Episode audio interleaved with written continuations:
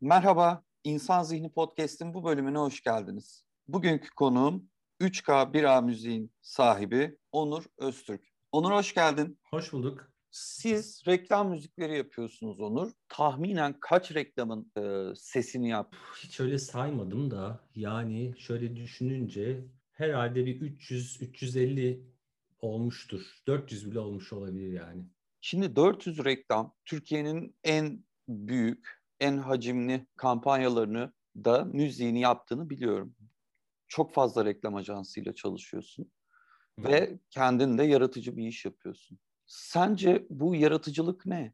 Abi yaratıcılık bence insanın içinden gelen şeyin dışa vurumu. Bu herhangi bir şekilde olabilir. Yani e, bizi bir tür olarak bence diğer e, canlılardan ayıran şey de bu yaratıcılık konusu bence. Bir şeyler ortaya koyabilmek. Tabii yaratıcılık deyince genelde hani kreatif sektörler şu bu akla geliyor ama her şeyin içinde yaratıcılık var. Yani bugün bir kağıt ataşına baktığında onda da bir yaratıcılık var. Bunu birisi düşünmüş ve bu şekilde çözmüş. Ve ben bunun bir çözümsel süreç olduğunu da düşünüyorum yaratıcılığın. Genelde bir e, sorun olduğu zaman bir çözüm gerekiyor. O çözüm de bir yaratıcılığı istiyor çözülmek için aslında e, o sorun. Dolayısıyla biraz ihtiyaçlardan ve sorunlardan doğan bir şey bence yaratıcılık. Bunda mühendis bakışının ne kadar etkisi var sence? Bence var abi. Yani ben hep biraz analitik düşünen bir çocuktum zaten. Yani böyle hep sebep sonuç ilişkileri içerisinde günümü geçirirdim.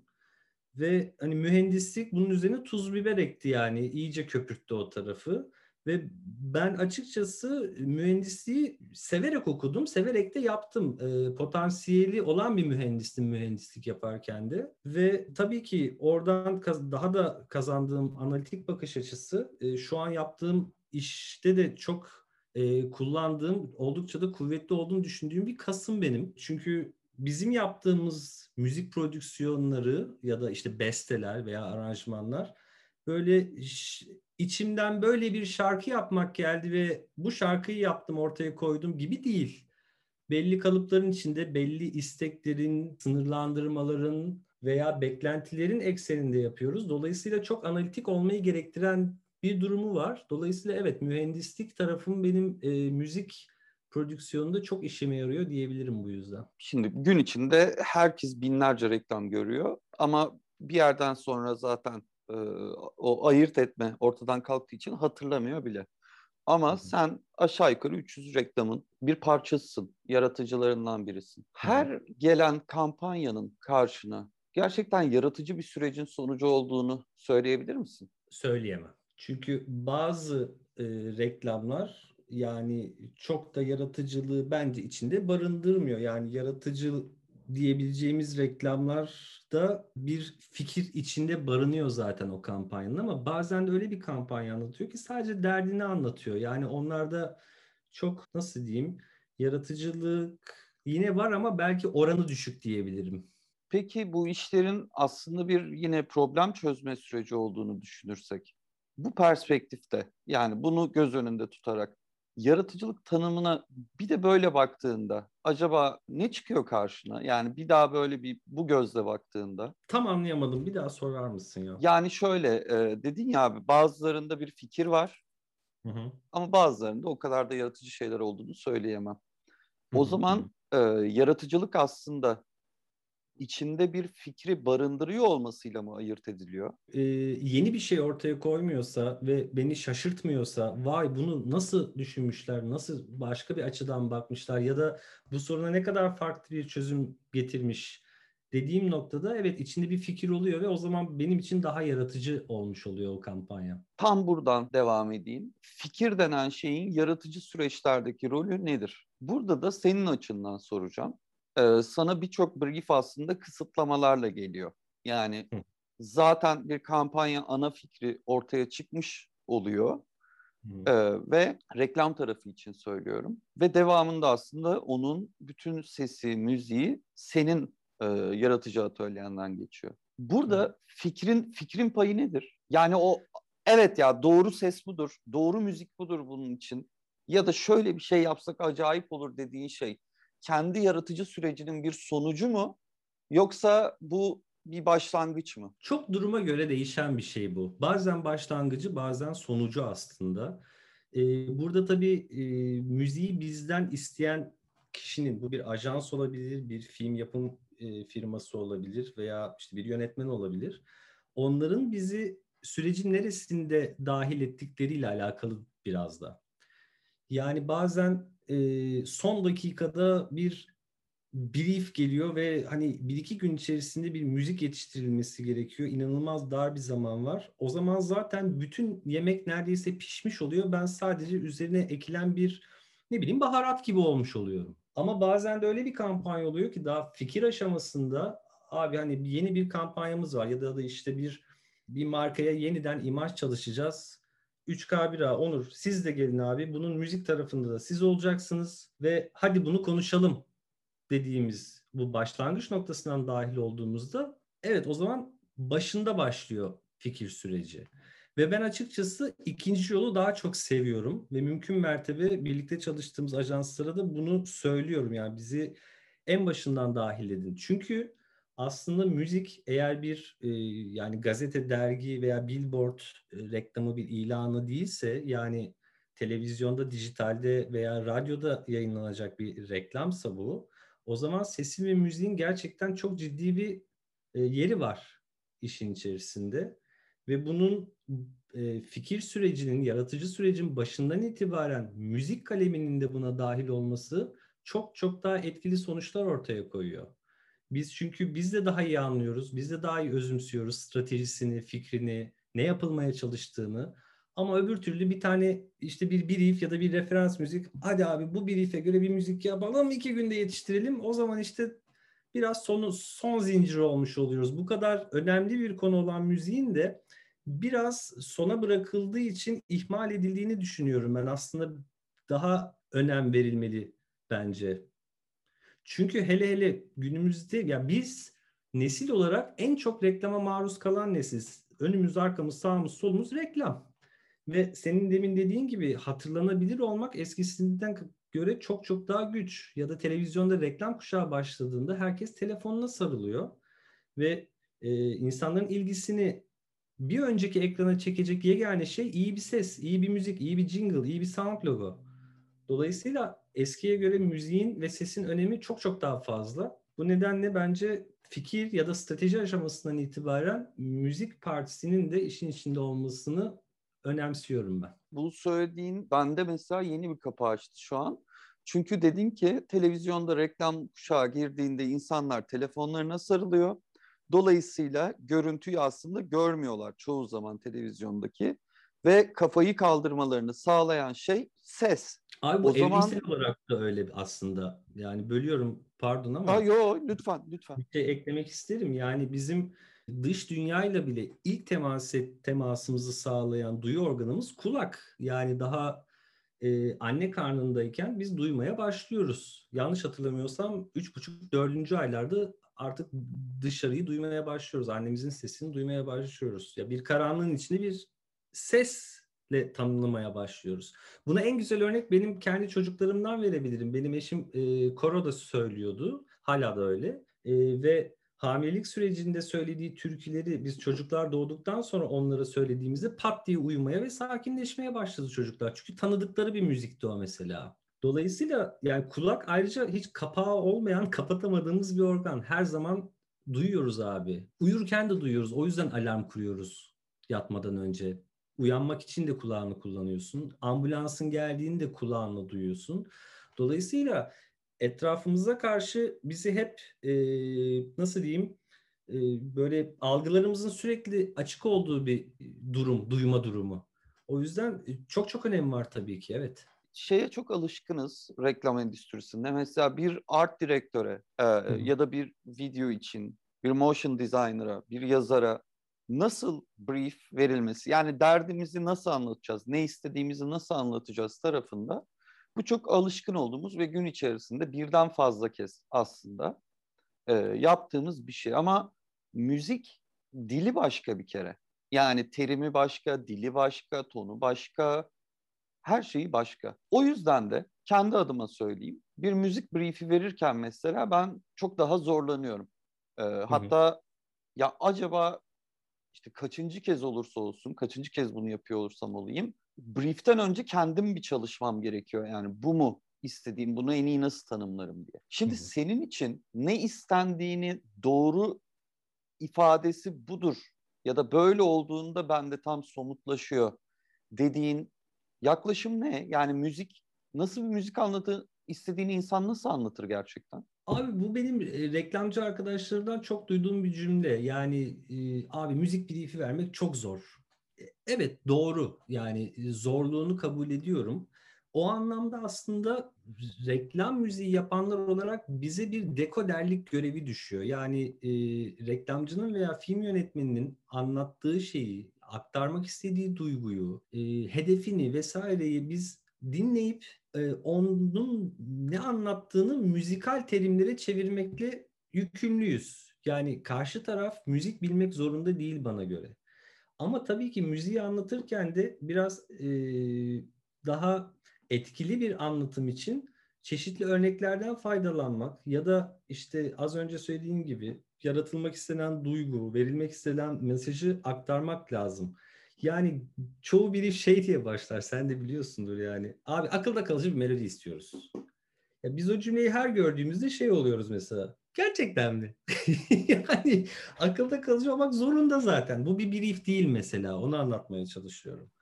Ama hani bazen de şu olur abi. İşte hedef kitlemiz ne diye sorarız. Abi hedef kitlemiz herkes.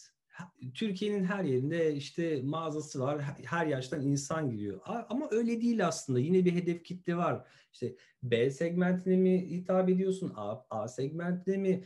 Yoksa işte evet Türkiye'nin her yerinde var ama her ilde var ama o orası hangi semtlerde var? Yani bu gibi bilgiler bile bunun dışında görsel dünyası, işte renkleri, arketipleri markanın, bütün bunları biz alt alta toplayıp bir dekoder gibi evet abi istenen müzik böyle bir şey diyebiliyoruz. Ama bazen de tabii referans müzikler üzerinden ilerleyebiliyor. Yani abi şu filmde duyduğum şu müziğin duygusu bana çok doğru geliyor dediğin zaman da bana yol göstermiş oluyorsun. Tabii referanslarla ilgili şöyle tehlikeli bir durum var. Referanslar bazen çok seviliyor ve insanlar onun birebir aynısını istemeye başlıyor. Kulak alışıyor çünkü ona. E, o, o yüzden referans belirtirken biraz dikkatli olmakta fayda var. O referansa aşık olmamak lazım yani. Ondan kurtulamama durumu ol, olabiliyor zaman zaman çünkü. Onur aklın ve içgüdülerin burada payı ne? Yani senin için doğru müziği bulurken bunu aynı zamanda aslında şarkı performansı yapan Onur'a da soruyorum. Yani reklam endüstrisi dışındaki müzisyen Onur'a da soruyorum. Ya bu budur doğru olan. Mesela az önce çok rasyonel bir süreç tarifledin. Yani biz markanın hedef kitlesini, renklerini, arketiplerini bunları alt alta dizip aslında bir dekoder görevi görürüz dedin. Ee, bu aslında anlama kısmı, brief'i. Sonrasında da bir süreç işliyor ve senin hani en başta da konuştuğumuz analitik tarafının çok güçlü olduğu ve analitik bir iş yaptığın gerçeği var. Ama burada içgüdülerin payı ne? Yani burada aslında mesele biraz şey olarak ikiye ayrılıyor tabii. Sanatkarlık ve zanaatkarlık. Tabii ki biz bir sanat dalını kullanan kişileriz. Yani bunu da e, reklamlar için kullanıyoruz. Ve e, bir noktadan sonra da bütün bu e, analitik süreci geride bıraktıktan sonra işin sanat tarafına bir adım atmak gerekiyor tabii ki abi. Yani orada biraz duygular da yön gösteriyor bize tabii ki. Çünkü doğru bir şey bulduğun zaman onun doğru olduğunu hissediyorsun. Mesela bir e, jingle tasarlarken bir ya da sanat logo diyemeyeceğim. Sanat logonun süreci çok daha farklı bana göre de. Bir jingle tasarlarken o melodiyi bulduğun zaman onun doğru olduğunu biliyorsun ve genelde zaten ilk düşündüğün melodi doğru oluyor. Ha bunun doğru olduğunu nasıl anlıyorsun dersen bu işte biraz orada artık hissiyatla ve duyguyla da alakalı. Yani sanatçının duygusuyla ve yaptığı şeyden tatmin olmasıyla alakalı bir durum. Çünkü biz bazen bu arada ben e, de bir ajans mantığıyla çalışan bir yapı kurdum bugüne kadar. Öyle de devam ediyoruz. Bir ekip olarak çalışıyoruz. Ben bireysel çalışmıyorum.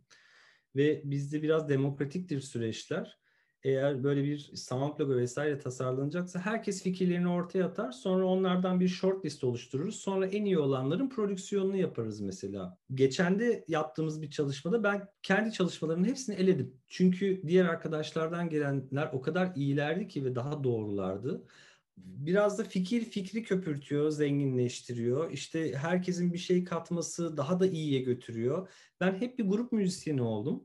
Ee, şey diye sordun ya e, performans sanatçısı olan Onur ne düşünür diye. Grup müziği yaparken de öyledir. Yani birisi bir fikir getirir ortaya stüdyoya. Ve onun üstüne çalmaya başlarsın, takılmaya başlarsın. İşte gitarist bir şey yapar, davulcu bir şey çalmaya başlar, basçı oradan bir şey yakalar. Sonra bir armoniyi ve duyguyu hep beraber yakaladığın noktada zaten şarkı kendini belli etmeye başlar. Benim mesela ıı, gruplarda çalarken en sevdiğim an odur. Yani evet abi bir şey yakaladık ve bu doğru. Şu anda hepimiz aynı şeyi hissediyoruz. Ve bunun üzerine gidelim anı çok keyiflidir mesela. Ben örneğin kayıt sevmem e, grup müziği yaparken. Kayıt çünkü stresli bir süreçtir. Yine hani işin business tarafının devreye girdiği andır çünkü kayıt. Ama öncesindeki yaratım süreci, o yapma sürecinde bilirsin yani evet bu doğru yol abi. Ama tabii orada kendi müziğini yaparken daha özgürsün. Abi ben bunu böyle yaptım, oldu, böyle de yayınlıyorum deme şansın var. Eğer çok baskıcı bir label'la vesaire çalışmıyorsan ya da popüler müzik yapıp listeleri oynamayı hedeflemiyorsan tabii ki. Ama reklamda çok daha fazla sınır, kural, e, beklenti, ve çok fazla karar verici var. Bir yandan da e, bizim işimizin zorluklarından bir tanesi de müziğin çok sübjektif bir konu olması. Yani çok kişiye özgü. Herkesin duyumunun çok farklı olması. Ya yani bir müziği herkes aynı duymuyor. Kimisi başka bir tarafına tutuluyor, kimisi başka bir tarafına. O yüzden bütün bu subjektivite içerisinde e, bizim bir müziği kabul ettirmemiz ya da tabiri caizse satmamız çok da kolay değil aslında. Ama doğru müzik olduğu zaman da herkesi bir şekilde yakalıyor. Onu da e, biliyoruz artık yani. Bugün senin müziğini yaptığın bir sürü iş yurt dışında da yayınlanıyor. Artık sanki böyle yerelden çok evrensel bir hikaye var ortada. Şunu soracağım. Sence Türk müzik kültürü ya da Türkiye'deki müzik alışkanlıkları, ses alışkanlıkları bizim dünyaya reklam müziği konusunda ses konusunda dünyadaki temsilimizde nasıl bir yer tutuyor? Yani bize bir özgürlük var mı reklam müziği tarafında? Ya ben yurt dışında oldukça e, takip ediyorum e, bu anlamda. Yani Batı daha çok Batı'yı takip ediyorum ama Doğu'dan ziyade yani Avrupa ve Amerika'yı e, ve orada gördüğüm şey yine müziğin tabii ki çok önemli bir yerinin olduğunu fakat yaklaşımlar tabii ki biraz daha farklı. Yani orada daha duyguya ve atmosfere yönelik ve aynı zamanda da bir markanın kimliğine yönelik çalışmalar daha ön planda bana kalırsa. Türkiye'de ise daha çok melodik e, bir yaklaşım var. Abi iyi bir melodi olsun, e, dilimizde pelesenk olsun, hani earworm derler ya işte kulağımızdan çıkmasın. Hatta ya ben yaşadım mesela bir iş yapmıştık biz. Çok da e, GRP'si yüksekti. Çok yayınlandı. Abi ekşi sözlükte bana küfretmeyen kalmadı. Bu müziği yapanı şöyle yapayım, böyle yapayım gitmiyor aklımdan falan filan. Çünkü melodi tabanlı insanlar söylüyorlar onu. Bizim ama Türkiye'de şöyle bir şansımız var. Müzik çok hayatımızın içinde aslında. Ve de o kadar yani Anadolu o kadar fazla türde müziğin, o kadar fazla türde ritmin, ritmik yapının e, bulunduğu bir coğrafya ki çok şanslıyız. Yani bizim mesela çocukken söylediğimiz oynaya oynaya gelin çocukların işte söz kısmı 5-8'lik, nakarat kısmı 9-8'lik abi bir çocuk şarkısında böyle bir e, ritmik yapıyı batıda göremezsiniz. Zaten batılı birine yetişkine dinlesen böyle bakar ne oluyor lan bu şarkı diye. Biz çocukken söylüyorduk onu. Dolayısıyla böyle bir altyapımız var. Ama bunu ne kadar kullanıp da yurt dışına yansıtabiliyoruz? Bence olması gerektiğinden az.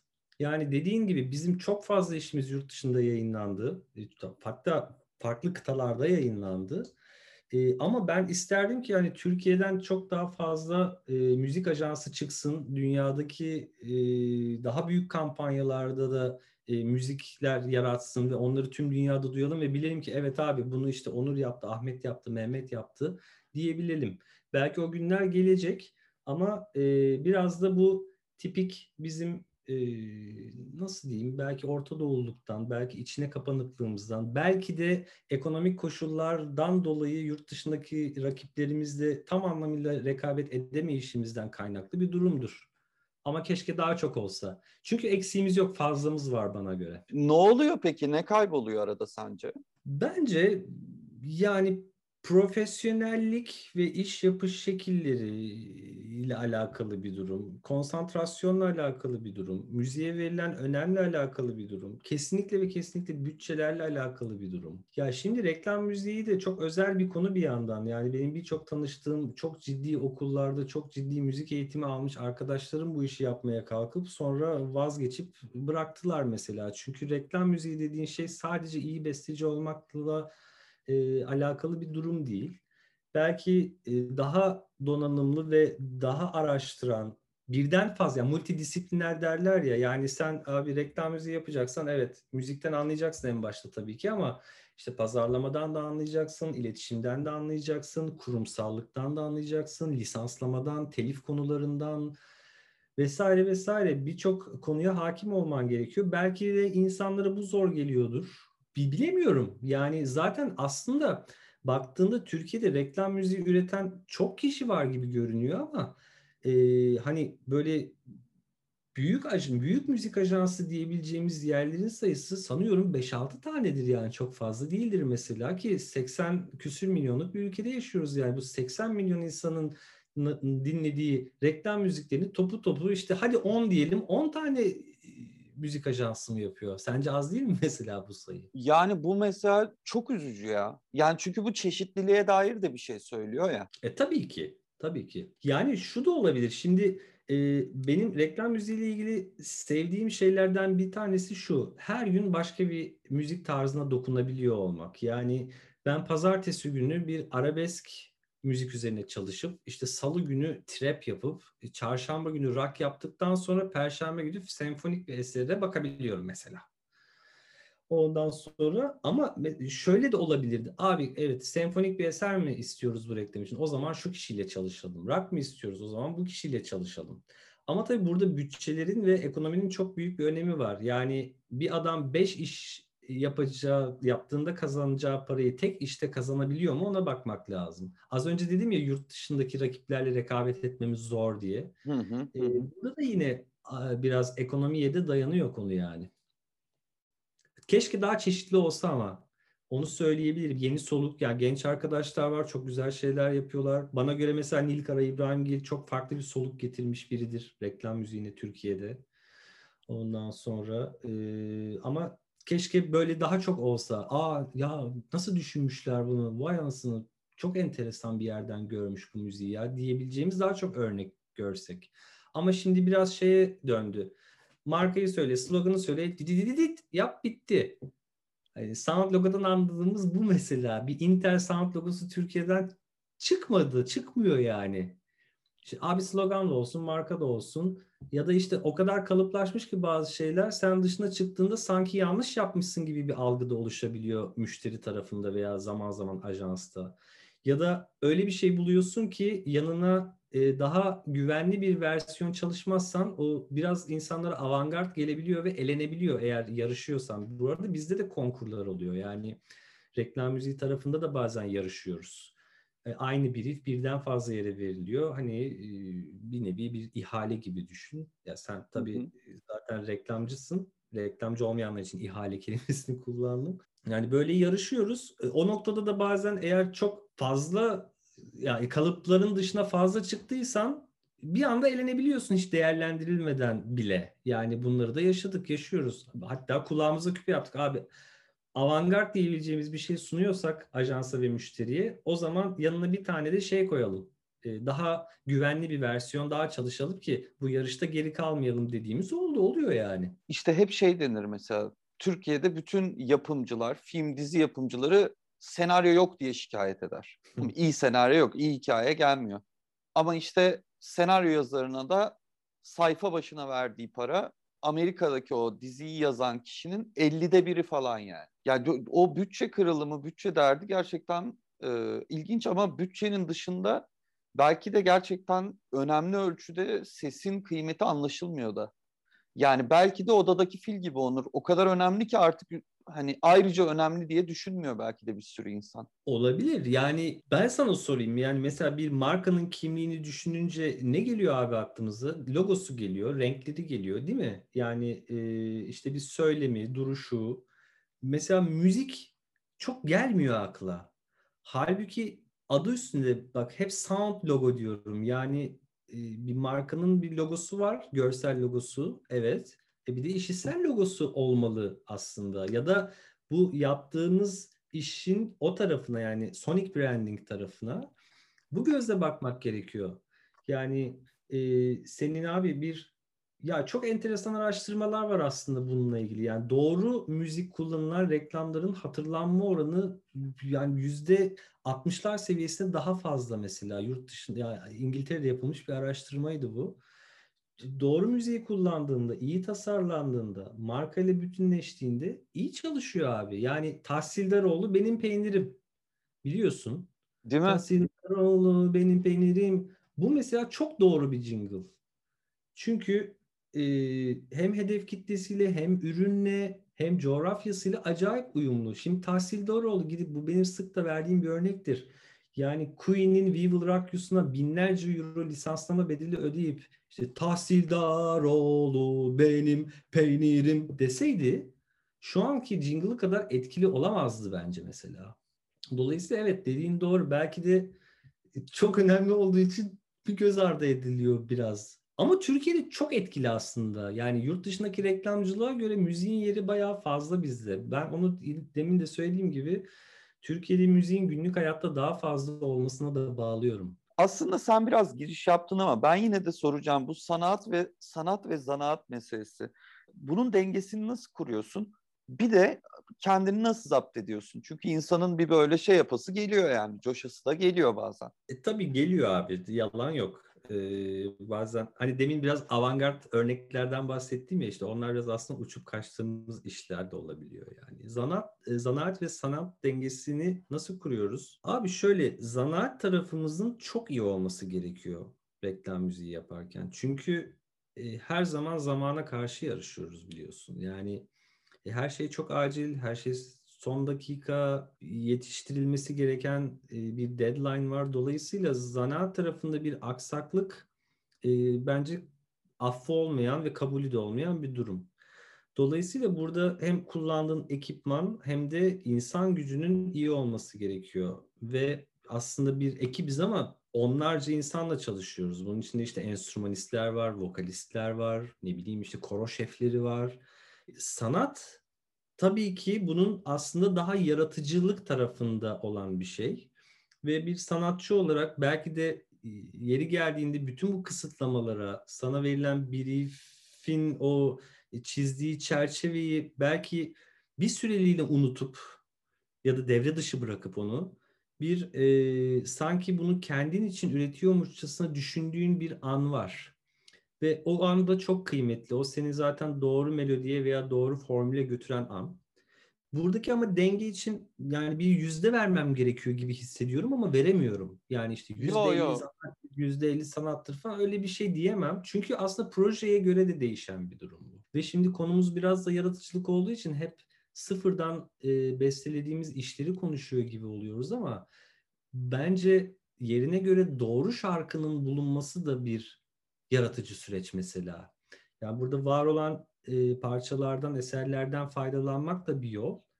Ve ben onu da yaratıcı sürecin bir parçası olarak görüyorum. Çünkü doğru şarkıyı bulmak da bir yaratıcılık örneği bana kalırsa. Ve onu doğru bir şekilde de uygulamak gerekiyor tabii ki prodüksiyonda. Yani işte mesela bu şey örneklerinde e, cover yaptığımız yani başka bir eseri reklam kampanyası için yeniden düzenlediğimiz e, durumlarda zanaat mesela biraz daha ön planda tabii ki. Ama sıfırdan bir şey yaptığımızda ilk etapta işte bu analitik ve projelendirme süreci ondan sonra o sanatçılık ve sanat yaptığın kısım ondan sonra da onu hayata geçirdiğin, realize ettiğin zanaat kısmı başlıyor yani prodüksiyon. Ve prodüksiyon da öyle şey değil. Yani bir anlamda yaratıcılığın bittiği ve hadi abi şimdi de bunu yapıyoruz, üretiyoruz anı da değil tam olarak. Çünkü o prodüksiyon sürecinde de yaratıcılık devam ediyor. Yani sen bir aranjmanı yaparken veya bir vokali kaydederken bile bir şeyler daha gelişmeye ve evrilmeye devam edebiliyor çünkü. Aslında o yüzden hiç bitmiyor. Hepsi iç içe geçmiş durumda demek daha doğru olacak galiba. Onur teşekkür ederim. Reklamcılara buradan söylemek istediğin bir şey var mı? Abi brieflerimizde akılda kalıcı bir melodi istiyoruz diye başlamayalım. ya bu çok şey zaten. Ben yani hayatta kendime şöyle bir yol edindim abi bu konuda. Eğer bir şeyin tersi zaten mümkün değilse düzünü söylemek biraz daha. Mesela şöyle bir brief zaten mümkün değil ya. Hiç akılda kalmayacak bir şey istiyoruz Onur. Bu yani, ne demek ki yani falan. Ya, o yüzden diyorum ben de zaten aynen öyle. Ama hani bir şey söylemem gerekirse ben şu bir ricada bulunabilirim. Onu söyleyeyim. Yani mümkün mertebe müzisyenleri de süreçlerin daha evveliyatında, önceki evrelerinde devreye sokmanız hem müzisyen için hem de ajans için, reklamcı için günün sonunda da tabii ki marka için çok daha iyi sonuçlar doğuruyor ve doğuracaktır. Biz bunu çok gördük. Ee, senle de çok yaşadık aslında. Biz masaya çok oturduk yani daha evet, ortada evet. hiçbir şey yokken. Ee, dolayısıyla e, bunu rica edebilirim ve önerebilirim. Yani o zaman işler çok farklı oluyor. Yani işte en başından konuşmaya başlıyoruz. Bir de şunu söyleyebilirim. Reklam filmleri için konuşacak olursak burada bir de yönetmen var ve çok kıymetli bence. O filmi hayata geçiren yani kişi diyebiliriz. Ama burada bazen şey üçgeni tam kurulamayabiliyor. Kreatif direktör, işte müzik direktörü ve e, film direktörü, film yönetmeni üçgeni bazen iyi kurulamayabiliyor. O zaman da bu Susam Sokağı'nda Arada Kaldım diye bir şarkı vardı. Belki hatırlarsın. İki tane canavarın arasında kalan bir adamın şarkısıydı. İşte müzisyenle yönetmenle e, kreatif direktör arasında kalan adama dönüşüyor. Çünkü biri bambaşka bir şey istiyor, biri bambaşka bir şey istiyor. Öyle pozisyonlarda da o üçgenin iyi kurulup hani aynı anda konuşmanın bir ortak bir ortak fikir oluşturmanın önemi bence çok büyük vakit e, kazanmak için. Vakit kazanmaktan da kastım iş çabuk bitsin değil. E, o eldeki vakti verimli ve doğru kullanmak anlamında söylüyorum. Hayatla ilgili sorularıma geçiyorum Onur. Buyurun. Tembellik sence suç mudur? Hayır. Tabii ki de değildir. İhtiyaçtır bilakis. Çünkü durmak gerekiyor. Yani makine sürekli çalışamaz abi ve arada bir dinlendirmek gerekiyor makineyi. Ve bu fiziksel bir iş yapıyorsan da aynı, kafa işi yapıyorsan da aynı. Bizler genelde e, beyin işçisiyiz ve bu beyni biraz dinlendirmek gerekiyor ve tembellik de suç değildir. Ve durmak gerekir. İkinci soruma geçiyorum. Aptallıkla nasıl baş edebiliriz sence? Aptalları öldürerek bu çok duyduğum en kalıcı cevap buydu. Abi aptallıkla aptallıktan kaçarak mücadele edilmiyor. Çünkü birinci aptaldan kurtulduğunda ikinci aptal çıkıyor karşına. İhmal de edemiyorsun. Ve biraz teflon olmak gerekiyor. O aptallığın üzerine yapışmamasına gayret edeceksin aslında. Ve hani e, aptala ayak uydurmamak da gerekiyor. O seni aptallaştıran bir şey diye düşünüyorum ben. Yani insanı körelti ediyor diye düşünüyorum. Ama çok tepeden de bakmamak gerekiyor. Ve bazen şöyle bir şey var yani hepimiz farklıyız abi. Hepimiz biriciyiz. Ve e, dolayısıyla karşı tarafın aptallığının biricikliğini de biraz e, kabullenip yola devam etmek gerekiyor galiba. Ama Çok e, bu teflon olmak gerekiyor derken de şunu anlıyorum. E, aptala da razı gelmemek gerekiyor. Yani aman canım tamam bu Hayır. seferlik dediği gibi olsun da dememek gerekiyor gibi anladım orayı. Kesinlikle. Tabii ki, tabii ki. Yani aptallığı hoş görmekten bahsetmiyorum. O aptallıkla beraber çok aptala çok temas edip o aptallığın sana bulaşmasından bahsettim aslında. Ha. olmamak lazım derken. Çünkü çok fazla aptallığın içinde kalınca belki insanlar da biraz aptallaşmaya başlıyor gibi geliyor bana çünkü. Tam tersine hoş görmemek, o aptallığın aptallık olduğunda uygun bir dille belki aslında dile getirmek gerekiyor abi. Peki üçüncü soruma geçiyorum öyleyse. Sence utanmazlık bir süper güç müdür? Evet.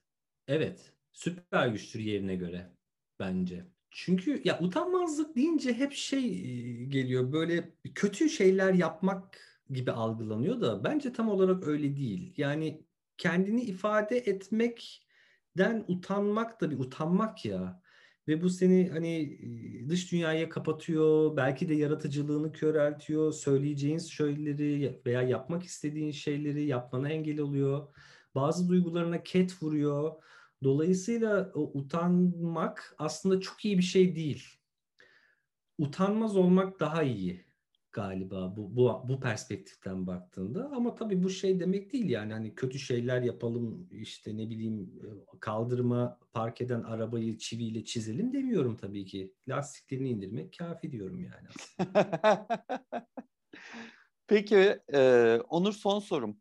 40 yıl öncesine bakınca bir sürü şey çok tuhaf geliyor ve diyoruz ki ulan insanlar nasıl böyle bir şey okey olmuş ve nasıl böyle alışkanlıklar edinmişler vesaire. Sence 40 yıl sonra insanlar bugüne baktığında bizi en çok neyle yargılayacak ya da neyi en çok yadırgayacaklar? Birkaç soru öncesiyle buna cevap vereceğim biliyor musun? Bence insanlar bizi yeteri kadar tembellik yapmamış olmamızla yargılayacaklar. Ne kadar çok çalışmışlar, manyak gibi bu dijitale dönünce, dönüşünce dünya rahatlayacakları yerde hayatlarını daha da zorlaştırmışlar diye çok eleştirecekler bence. Böyle düşünüyorum. Ee, bir de galiba geçmişten şaşırdığım bir şeyi sordun sanırım değil mi? Doğru mu anladım onu? Ee, aslında geleceğe dair sordum ama tabii geçmişten de söylemek istediğim varsa kesin duymak isterim. Yani mesela ben şu anda şeye inanamıyorum. Bu bir eleştiri değil tabii ki de bir şaşkınlık. Yani geçmişte yapılan müzik prodüksiyonlarına inanamıyorum mesela. Bütün o teknik imkansızlıklar içinde yapılmış o prodüksiyonların muhteşemliği çok şaşırtıyor beni. Hmm. Yani 1950'lerde 60'lardaki bir müzik prodüktörünü günümüze getirsen bizim bence suratımıza tükerir. Bu, bu, bu imkanlarla bunları mı yapıyorsunuz falan diye gibi geliyor mesela. Ama çok fazla da yadırgadığım şey var tabii geçmişe dair. Özellikle insani ilişkilerde, anne baba ilişkilerinde, çocuk büyütmede çok fazla var. Seni bulmuşken aslında biraz konseptin dışında da bir iki şey sormak isterim eğer vaktim varsa. Tabii ki. Geçmişteki müzik prodüksiyonlarına inanamıyorum dediğin için aslında bunu söyleyeceğim. Şimdi yani ben çok böyle klasik ve herkesin adını bilip zaten sevdiği şeyleri ben de çok severim. İşte Led Zeppelin'i çok severim mesela. Beatles'ı çok severim. Queen'i çok severim. Bakınca şunu gö- ya da işte Pink Floyd bir şey icat etmişler ve Hı-hı. durmamışlar yani. Bir sonraki albümde de başka bir şey icat etmişler. Bir sonrakinde başka hele ki Beatles. Ya enstrüman icat ediyor falan. Bugün var mı bu sence? Ve eğer yani varsa belki de ben farkında değilim. Böyle ortalama bir müzik dinleyicisi olarak belki. Ama yoksa da aslında sebebini soracağım sana. Ya da şey mi yani ulan zaten Queen tarihte bir kere gelir işte. Yani ya da Beatles bir tane olur. Onlar da kendi içinde biricikti de bir cevap mesela. Sence ne oldu o dönem? Yani ve bu dönem ne oluyor müzikte? Yani şunu söyleyebilirim. Şu anda da çok fazla yeni şey deneyen, farklı soundlar, farklı enstrümanlar peşinde olan insanlar var. Türkiye'de de var. Mesela mikrotonal gitar icat etti İTÜ'den bir arkadaş mesela. Bu e, gitarın perdelerinin dizilimlerini değiştirerek bizim Türk müziğine daha uygun bir hale getirdi mesela bildiğimiz klasik gitar formunu. Bu süreç hmm. devam ediyor. İcatlar, denemeler vesaire. E, sürekli yeni tarz müzikler çıkıyor. Yani bundan işte 10 yıl önce rap vardı ama trap yoktu mesela. 2 yıldır trap konuşuyoruz sürekli. Bu anlamda çok fazla bir eksiklik olduğunu düşünmüyorum. Bir de geçmişteki müzisyenlerin de şöyle bir şansı olduğunu düşünüyorum. İcat edilecek şey çok fazlaydı. Yani bir şey buluyorsun daha önce kimse yapmamış oluyor ama şimdi 2021'de baktığında abi her şey yapılmış ben ne yapacağım ki oluyorsun. Bu biraz aslında şeyde için de geçerli, bilim için de geçerli. Yani 2021'deki bilim adamı olmak isteyen bir akademisyenin taraması gereken işte makale sayısıyla bundan 200 yıl önceki bir akademisyenin taraması gereken makale sayısı bir mi değil. Aslında zorlaşıyor. Zorlaştığı için de azalıyor bence. Ama müzik prodüksiyon tarafına gelince teknolojinin gelişmesi biraz müzisyenliği köreltti bence. Çünkü eskiden e, işte Led Zeppelin dedin. Led Zeppelin bir odaya girip çalan ve bunu olduğu gibi kaydeden bir grup. Hepsi öyle. Çoğunluğu öyle yani. Yani kanal kayıt teknolojisi tam anlamıyla olmadığı için performans var. Yani bu şeyi de getir beraberinde getiriyor. Stüdyoda ne çalıyorsa adam sahnede de onu çalıyor. Dolayısıyla hep aynı müziği duyuyorsun. O grupların da özelliği biraz o. Ama şimdi nasıl abi? bir davul kaydı bir davulcu olarak söyleyeyim. Çalıyorsun ah bir hata yaptın hadi bir daha çal bir daha çal abi onu oradan alırız bunu öbür take'ten alırız falan biraz editledik falan filan ama böyle yapa yapa ve insanlar bir arada çalmadıkları için yani her bir enstrüman kanal kanal kaydedildiği için iş biraz sentetikleşmeye başlıyor ve performans kalitesi de düşüyor. Ama burada da kendime hemen bir antites sunayım. Bir yandan da YouTube ve dijital ortam müzisyen olmak isteyen ve bir enstrüman öğrenmek isteyen çocuklara, gençlere öyle fırsatlar sunuyor ki yani ben favori davulcumun davulunun köşesi bir gitar dergisinde bir fotoğrafta göründüğü için gitarist arkadaşıma ne olur bu sayfayı bana ver diye yalvarırken bugün adam açıyor YouTube'u sevdiği bütün davulcuların nasıl çaldığını görüyor, onu deniyor ve zaten e, küçük yaşlı virtüözlerin sayı olarak artmasının son dönemde biraz sebebi de bu. Bir yandan da böyle bir durum var. Ama işte o sentetiklikten çıkmak için biraz beraber çalmak, aynı anda kayıt etmek gibi konular önemli abi. Yani onu yapan gruplar hala var ve onlar zaten çok çok güzel tınlıyorlar yine yani. Onur çok teşekkür ederim. Ben teşekkür ederim. Çok keyifliydi.